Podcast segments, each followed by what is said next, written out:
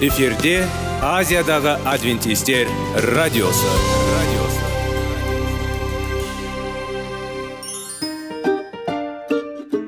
сәлем достар. Денсаулық өмір бұлағы және біздің бірінші байлығымыз демекші денсаулық сағаты рубрикасына қош келдіңіздер.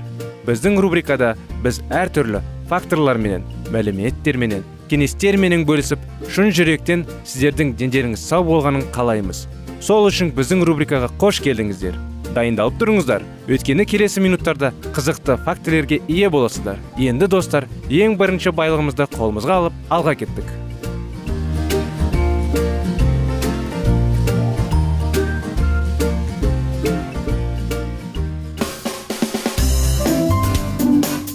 Денсаулық туралы хабар.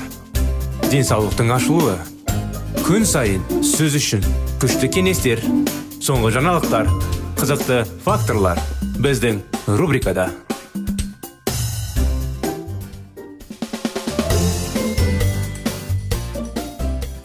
Сәлем достар. Ассалаумағалейкум біздің құрметті радио тыңдаушыларымыз біздің денсаулық сағат бағдарламамызға қош келдіңіздер. Құрметті достар сіздерлердің назарларыңызға салауатты өмір салты салауатты болу.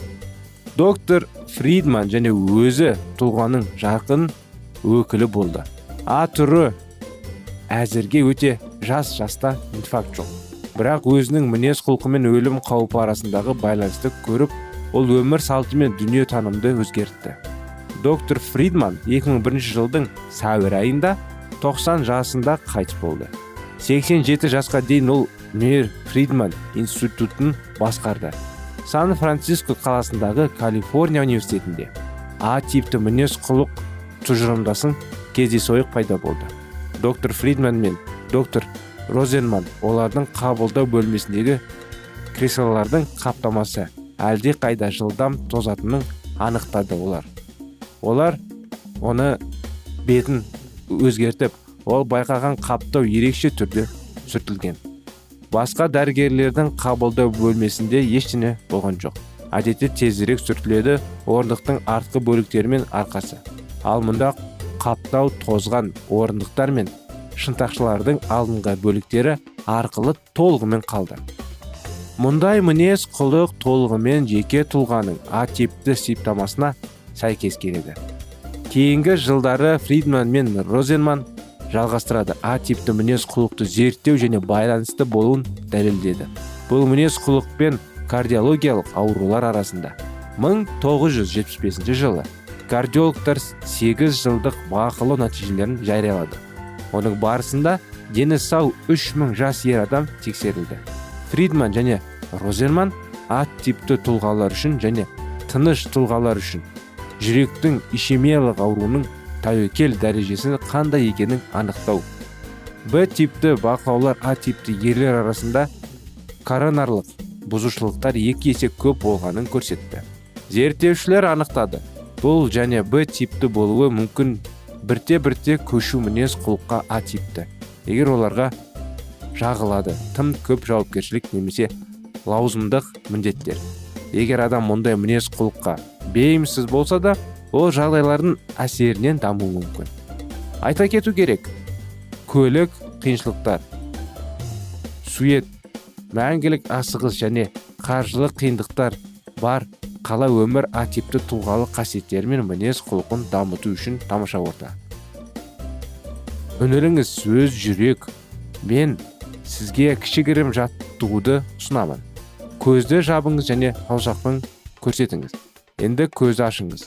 Қайда көрсетті? Сіздің саусақ сіздің ақыл шоғырланға бас немесе жүрекке. Бұл жаттығуды басқа адамдармен көріңіз. Сіз көрсеңіз аяққа ішке немесе тіпті басын саусақпен шайқайды. Егер бұл адамның тұлғасы туралы ол жүрекке көрсетеді. Адамдар адамның мәні тек қана оның ақылында шоғырланған деп санаған кезде болады. Мысалы киелі кітап авторлары тұлғаның мәні жүректе адамның жаны сезімі ерік жігері мен терең мотивтерінде. Оларды түсінуде жүрек адамның мінез құлқы ойлауға сезінуге есте сақтауға және анықтауға қабілетті. Бұл ой киелі мәтіннің талдауын растайды. Онда сөз жүрек әдетте ақылға қатысты қолданылатын сөздермен ұштасады. Ойлау сөйлесу түсіну есте сақтау. Ашуланып кінә жібермеңіз. Сіздің жүректеріңізден сіздің өтіріктеріңіздің жүрегінде ойлаңыз. Иса олардың ойлауын көріп былай деді. Сіздің жүрегіңізде жұқа ойлаңыз. Және барлық естігендер айтып берді оларға бақтышы ал мария барлық сөздерді сақтап қалды. Бірақ жазылғандай көз көрмеді құлақ естімеді және адамның жүрегін келмеді дейді құдай сүйетін адам оны түсінбейді дейді да. Біз қазіргі адамдар бұл сөздерді тек бейнелі мағынада қабылдаймыз. Бірақ інжіл заманында олардың мәні тікелей нақты әртіп болды. Қасиетті жазбада жүрек ойлау азасы болып табылады және дәл онда әлемді түсіну және тану қабілетін жүзеге асырылады. Физикалық және рухани жүрек мыңдаған жыл бұрын киелі кітапта күнәлар ашуланбайтын ашуланулар дұшпандық қызғаныш жүрегі деп ескертіледі. Адамдардың жүрегі бір қызығы бұл інжіл сақтатын толығымен медициналық практикамен расталды. Кезінде жүрек қан тамырлары ауруларынан қатыс, қайтыс болған емдеушілердің көпшілігін денелерін ашу артериялары мен жүрек тіндері кальцийленеді қатты болады. Жүрек және шын мәнінде тас сияқты алады. Келі кітапта сәйкес тас күйдірленген басқаша сөзбен қатты ауыр сөзсіз тығыз жабық жат адам боласы үшін жүрек адамның құдаймен әлеммен басқа адамдармен өзімен араласуына кедергі жасайды. Ол оны ойлау мен түсіндірудің табиғи қабілетін айырады. Халық бұл көздік көздік көз алдында елестетіп жүректі алмастырды. Өз көзімді көрмейді жүрекпен ойламайды және мен оларды суықтырдым дейді. Біз ақылды жүрек айтқан кезде біз түсінеміз бұл сөздермен тек рухани сапа. Алайда бұл емес қатыгездікті сипаттайтын бейнелі өрнек сезімтал адам. Бұл атеросклерозбен ауырған жүректің физикалық жағдайын білдіреді. Мұндай жүрегі бар адамдар жиі стенокардиямен зардап шегеді және ауырсыну мен түтін шығу. Орналасқан жүрек қатты сезу жағдайында нақты физикалық ауырсыну ауырады. Бірақ инфаркт немесе басқа жүрек ауру кезінде адамның бастан шеккен кешкен ауруы құпия мойындалмаған күнә ренжітудің салдары. Кешіріңіз немесе жасырын жарықтық. Ол ірін сияқты жойқын эмоциялар пайда болатын жазылған жаралардан жүре ала ма? Бұндай сұрақтармен құрметті достар келесі анықтамаларды келесі жолға жалғастырып келесі жолға қалдырсақ бағдарламамыз аяғына кеп қалды өкінішке орай. Сіздерді келесі тақырыптарға бағдарламаға шақырамыз. Келесі жолға дейін сау саламат болыңыздар.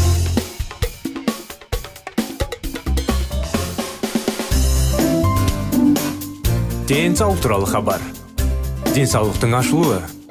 Күн сайын сөз үшін күшті кеңестер соңғы жаңалықтар қызықты факторлар біздің рубрикада.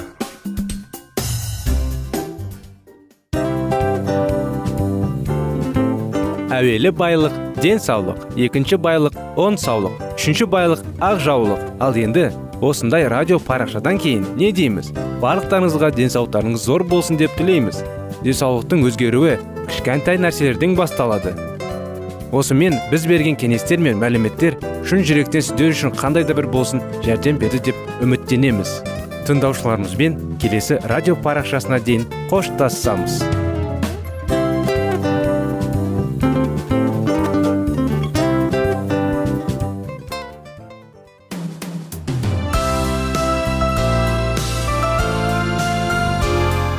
эфирде азиядағы адвентистер радиосы. Радиосы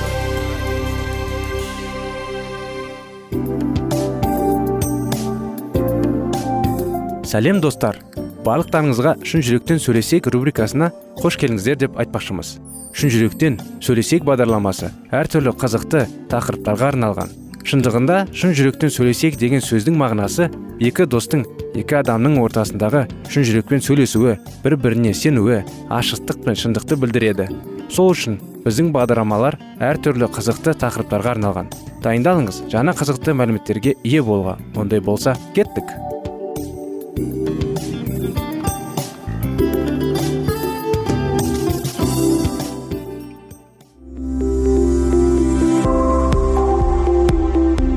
Алтын сөздер. Сырласу қарым қатынас жайлы кеңестер мен қызықты тақырыптар. Шын жүректен сөйлесейік рубрикасында.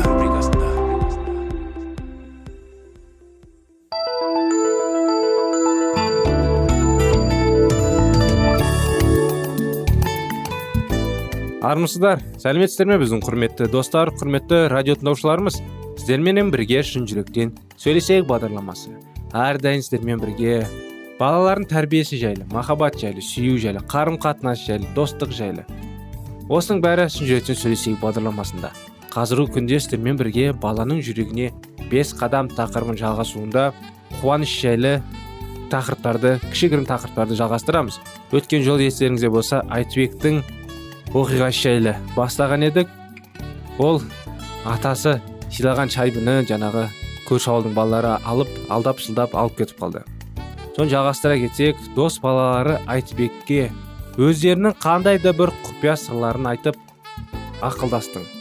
Одан көмек сұрауға да қамсынбайтын айтбек болса балалардың қылығын әжулап күлкіге айналдырып жасы кіші балаларды жәбірлеп көрген емес. Сондықтан да болар балалардың барлығы да оны қатты сыйлайды. Көмектескілері келіп ақ дейді әттен балалардың барлығы оған жәрдемдескі келген ниетпен біреуі серікті кешкісін подъездің алдында ұстап алуды екінші біреуі оның үйіне барып ата анасына болған жағдайды айтып беруді ұсынды. Ештеңе істеудің қажеті жоқ. Сендерге рахмет балалар.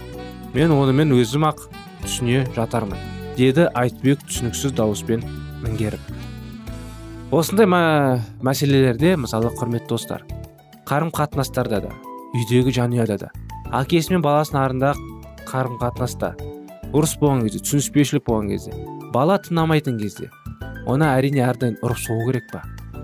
Оған кешірім сұратуды үйретіп оған ісің қай жері дұрыс қай жері бұрыс нені ол дұрыс емес деді нені дұрыс емес айтқанын түсіндіріп бір жағдайға бір келісімге келуге болады ғой ары қарай жалғастыра келсек ол үнсіз бұрылды да үйіне қарай бет алды. Көзінен тарам тарам болып шыққан жас бетінен жуды. Суық жел бетін тоназатып көз жасын кептіргендей. Қасында дәуіт келе жатыр. Ол үйге келе салысымен айтбек күшін құдайға сиініп дұға тілек бағыштаймын деп шешті.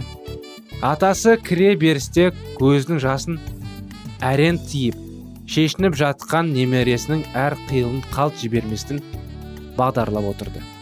Не болды қарағым? Доп таяғын қайда? Сынып қалды ма әлде? Атасынан мейірімді көзінен көзі түскен ақ мұн екі ол өзін өзі ұстай алмай еңіреп жылап жіберді. Атасы мен әке шешесі айтыбектің айтқандарын тыңдап болған ісін жай жапсырып білгеннен соң оған басу айта бастады. Ақырында атасы айтыбектің қолына жетектеп балалардың ұйықтайтын бөлмесіне ертіп келді. Ол өзінің киелі кітабын алды да немересіне осы кітаптан кімде кем сенімен соттасып сенің жидеңді алғысы келсе сен оған сырт киімді қоса бер татуластырушылар бақытты. Себебі олар құдайдың рухани балалары деп атансың болды деген жолдарын оқып берді. Айтыбек саған азап шеккен алғашқы мәсіхшілер туралы әңгімелер қатты ұнаушы еді ғой. Ұнайтыны рас ата. Бірақ оның бұл іске қатысы қандай құлыным ау сен әрекет әркез солардың бойында осыншама қайсарлық өз нанымдарына деген терең сенім. Құдайға деген шынайы сүйіспеншілік қайдан келген деп таңырқаушы едің ғой. Міне осындай ізгі қасиет біздің әрқайсымыздың бойымызда қалыптасады. Жаратушы біздің осындай сынақтар арқылы құдайға деген адалдығымызды төзімділігімізді сынайды. Жігерімізді шыңдайды сенің жолыңдағы ұлы қаһармандық істерге даярлайды. Құдайдың ұлдары төзімді деп қайратты болу тиіс. Осындай ізгі қасиеттер біздің бойымызда осындай сындарлы сәттер кезінде қалыптасады. Исаның өсиеті бойынша іс амал істесін қуанышқа кенелсін. Мәсіхшілік өмірдің көркемдігі түсініп жеңіс қуанышқа бөлерсің. Оған кешірім ет дейсің ата. Қалай кешіремін оған кешірім жасағың келсе жаратушы ие саған жеңілдік жасайды. Не деген керемет кеңестер құрметті достар? Осындай жанұяда мейірімді бір біріне кеңес беріп ақыл ой беріп бір біріне көмектесіп құдайдың жолында жүрген жанұяға не жетсін? Әр жанұяда осындай ма? Өздеріңіздің таныстарыңызға да достарыңызға да. Құдай желі уағыз айтуымыз керек. Өзіміздің өмірдегі болған тәжірибелермен де бөлісуіміз керек. Ата ана мен баланың қарым қатынасы осындай керемет еркелетумен болу керек.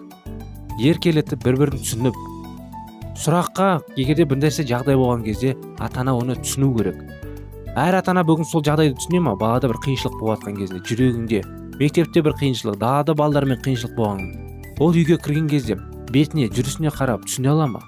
Әр ата ана оны түсінбейді. Сондықтан құрметті достар осындай кеңес балаларыңызды дұрыс түсініп дұрыс білуге тырысайық. Бүгін біз балдарымызды білмейміз танымаймыз. Иә олар біздің балалар олар біздің туған балалар біздің өсіріп жүрген. Оларды киіндіріп жатқан оларға тамақ беріп жатқан оларға сабақтарға жіберетін. Бірақ біздің үйден басқа оларда не болып жатқанын біз білеміз ба? Жоқ әрине. Оның бәрін білу үшін біз балдармен сөйлесуіміз керек. Қарым қатынасымыз дұрыс болу керек. Жиі уақыт бөлуіміз керек. Жаңағындай баланың жүрегіне бес қадамның кеңестерін сүю жайлы оларға жеткізуіміз керек. Сөз арқылы құшақтап қарым қатынас арқылы жеткізуіміз керек. Көмек арқылы оларға біз оларды сүйетінімізді олардың тілдерінде жеткізуіміз керек. Әр баланың тілі әрқалай әр ерес адамның да тілі әрқалай керек. Сіздерге жаңағы махаббатқа деген бес қадам деген кітапта бар.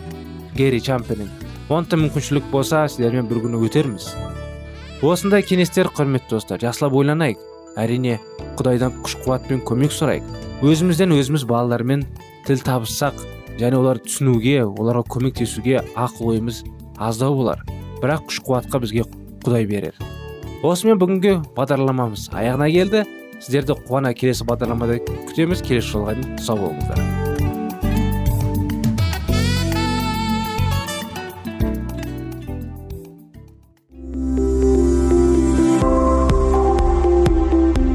алтын сөздер. Сырласу қарым қатынас жайлы кеңестер мен қызықты тақырыптар. Шын жүректен сөйлесейік рубрикасында.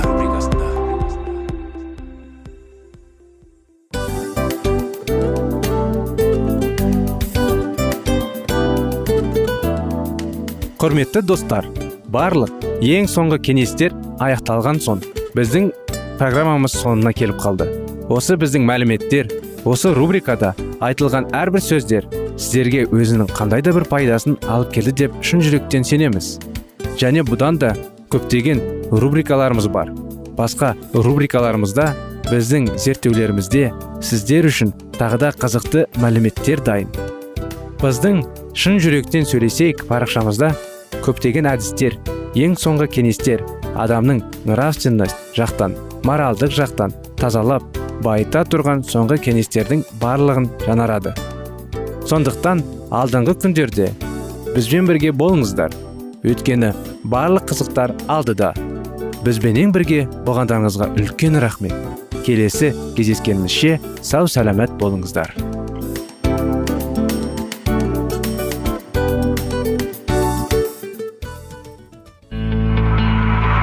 Жан дүниеңді байытқан жүрегіңді жаңғыртқан өмірдің мағынасын ойландырған рухани жаңғыру рубрикасы.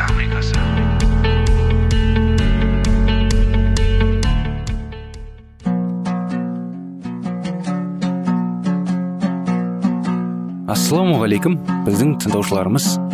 Келі кітаптың шындығын ашып берген қысқа бағдарламасына қош келдіңіздер. Барлығынан жоғары жаратушы біздің қарыңғылықта жалғыз қалдырып қойған емес. Өйткені ол келешекте не болу керек екенін кітаптың парақтарында ашып береді. Немесе келіңіздер бізге қосылыңыздар. Жаратушы бізге нен ашып бергенін зерттейміз. Бір кездері құдайдың қалаулы халқы болған израиль үшін исаның өлімімен мейірім мезгілі де аяқталды. Иса үшін бір адамның өлімінің өзі орны толмас өкініші болса енді оның алдында бір тұтас ұлт тұрған болатын. Израиль халқының күнә үшін шеккен азабын көріп пайғамбарлардың көз жастары көлге айналған.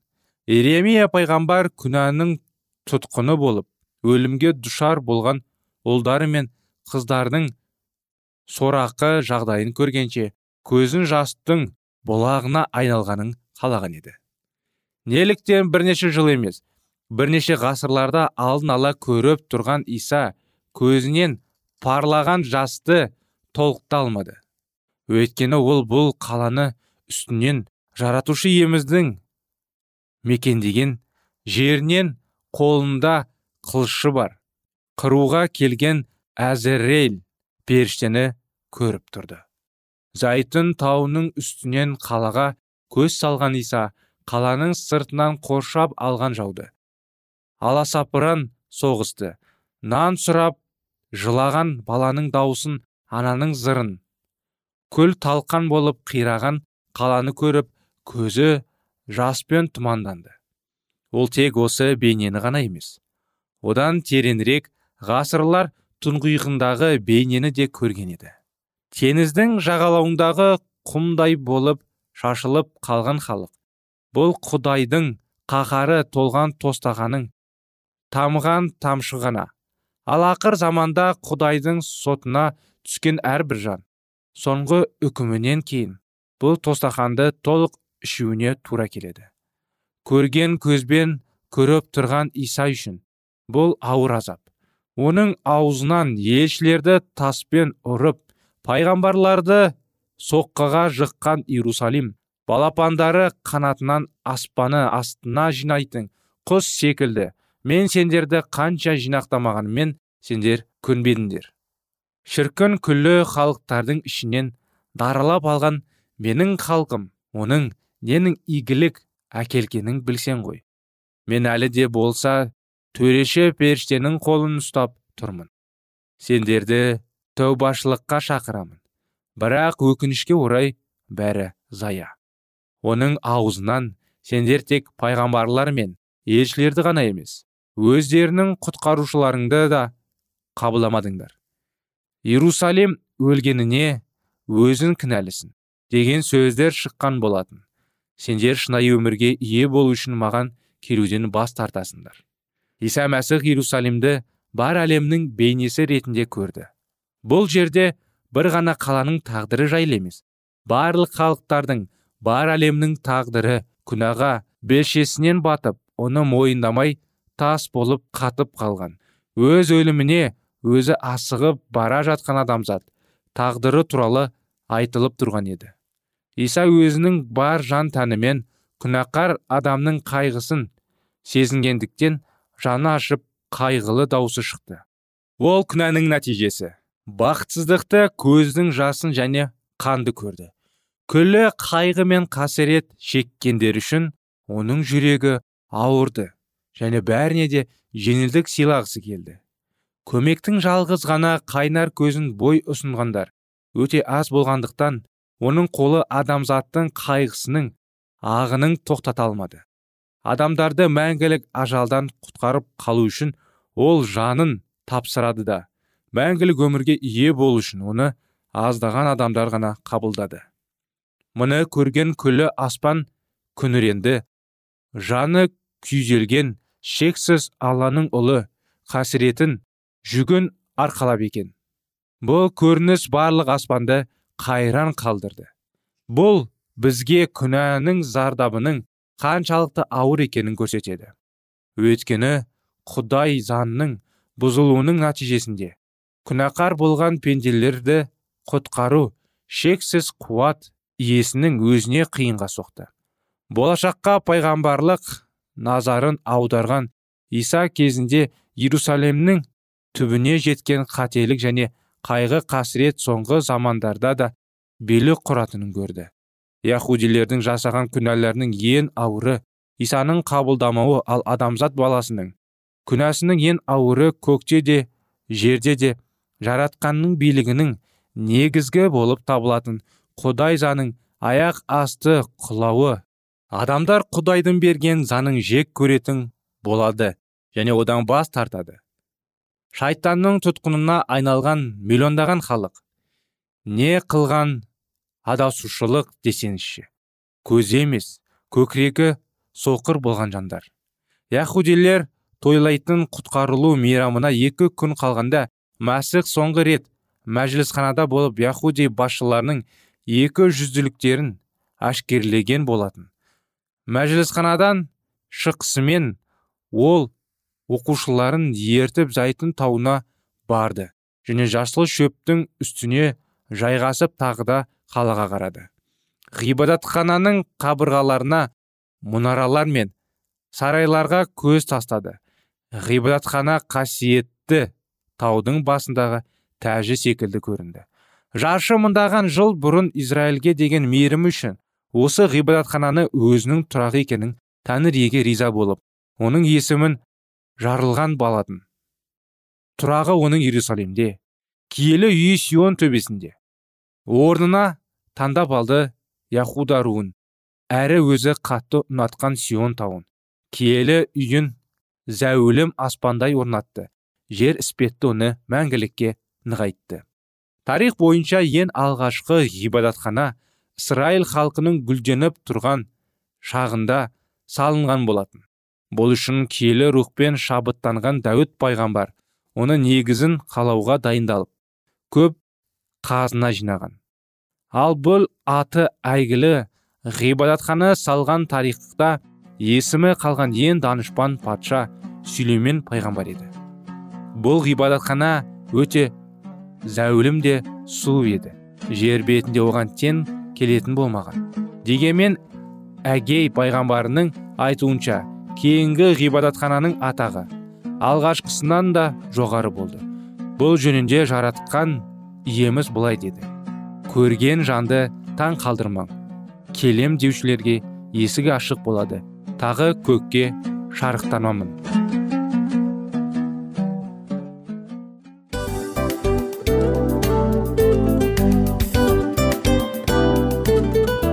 осымен достар программамыздың зерттеуіміздің ең қайғылы минутына жеттік. Қайғылы дегенде бағдарламамыз тез арада өтті де кетті. Соған көңіліміз деп тұр. Жарайды қайғыны қояйық. Бүгінгі 24 сағаттың алтындай жарты сағатын бізге бөліп арнағаныңыз үшін рахмет. Егер де өткен сфераларда пайдалы кеңес алған болсаңыз біз өзіміздің мақсатымызға жеткеніміз. Тыңдаушыларымызбен қоштасу уақыты келді. Келесі кездесулерді сағынышпен күтеміз. Жарты сағатты кездесуіміз көз ашып шапқанша дем арасында өтіп кетті. Бірақ бізде жақсы хабар бар. Келесі зерттеулерімізде сөзсіз кездесеміз. Өйткені көптеген сюрприздер қызықты мәліметтерді және керекті нәрселерді көбін дайындадық. Бүгінгі күндеріңіз өзгеше позитивті болсын. Жақындарыңыз аман есен болсын деп тілейміз. Жаратқан ие барлықтарыңызға батасын берсін. Істеген істеріңіз игілікті болсын. Келесі кездескенше сау саламат болыңыздар. Достар біздің бағдарлама бойынша сұрақтарыңыз болса әрине сіздерге керекті анықтама керек болса біздің whatsapp нөмірімізге хабарлассаңыздар болады. Плюс бір үш жүз бір жеті жүз алпыс алпыс жетпіс. Иә достар сіздер қателеспедіңіздер бұл біздің номерлерге ұқсас болмаса да бұл whatsapp номер арнайы. Хабарласыңыздар сұрақтарыңызды қойып тұрыңыздар. Анықтаманы алып тұрыңыздар. Плюс бір үш жүз бір жеті жүз алпыс алпыс жетпіс whatsapp номері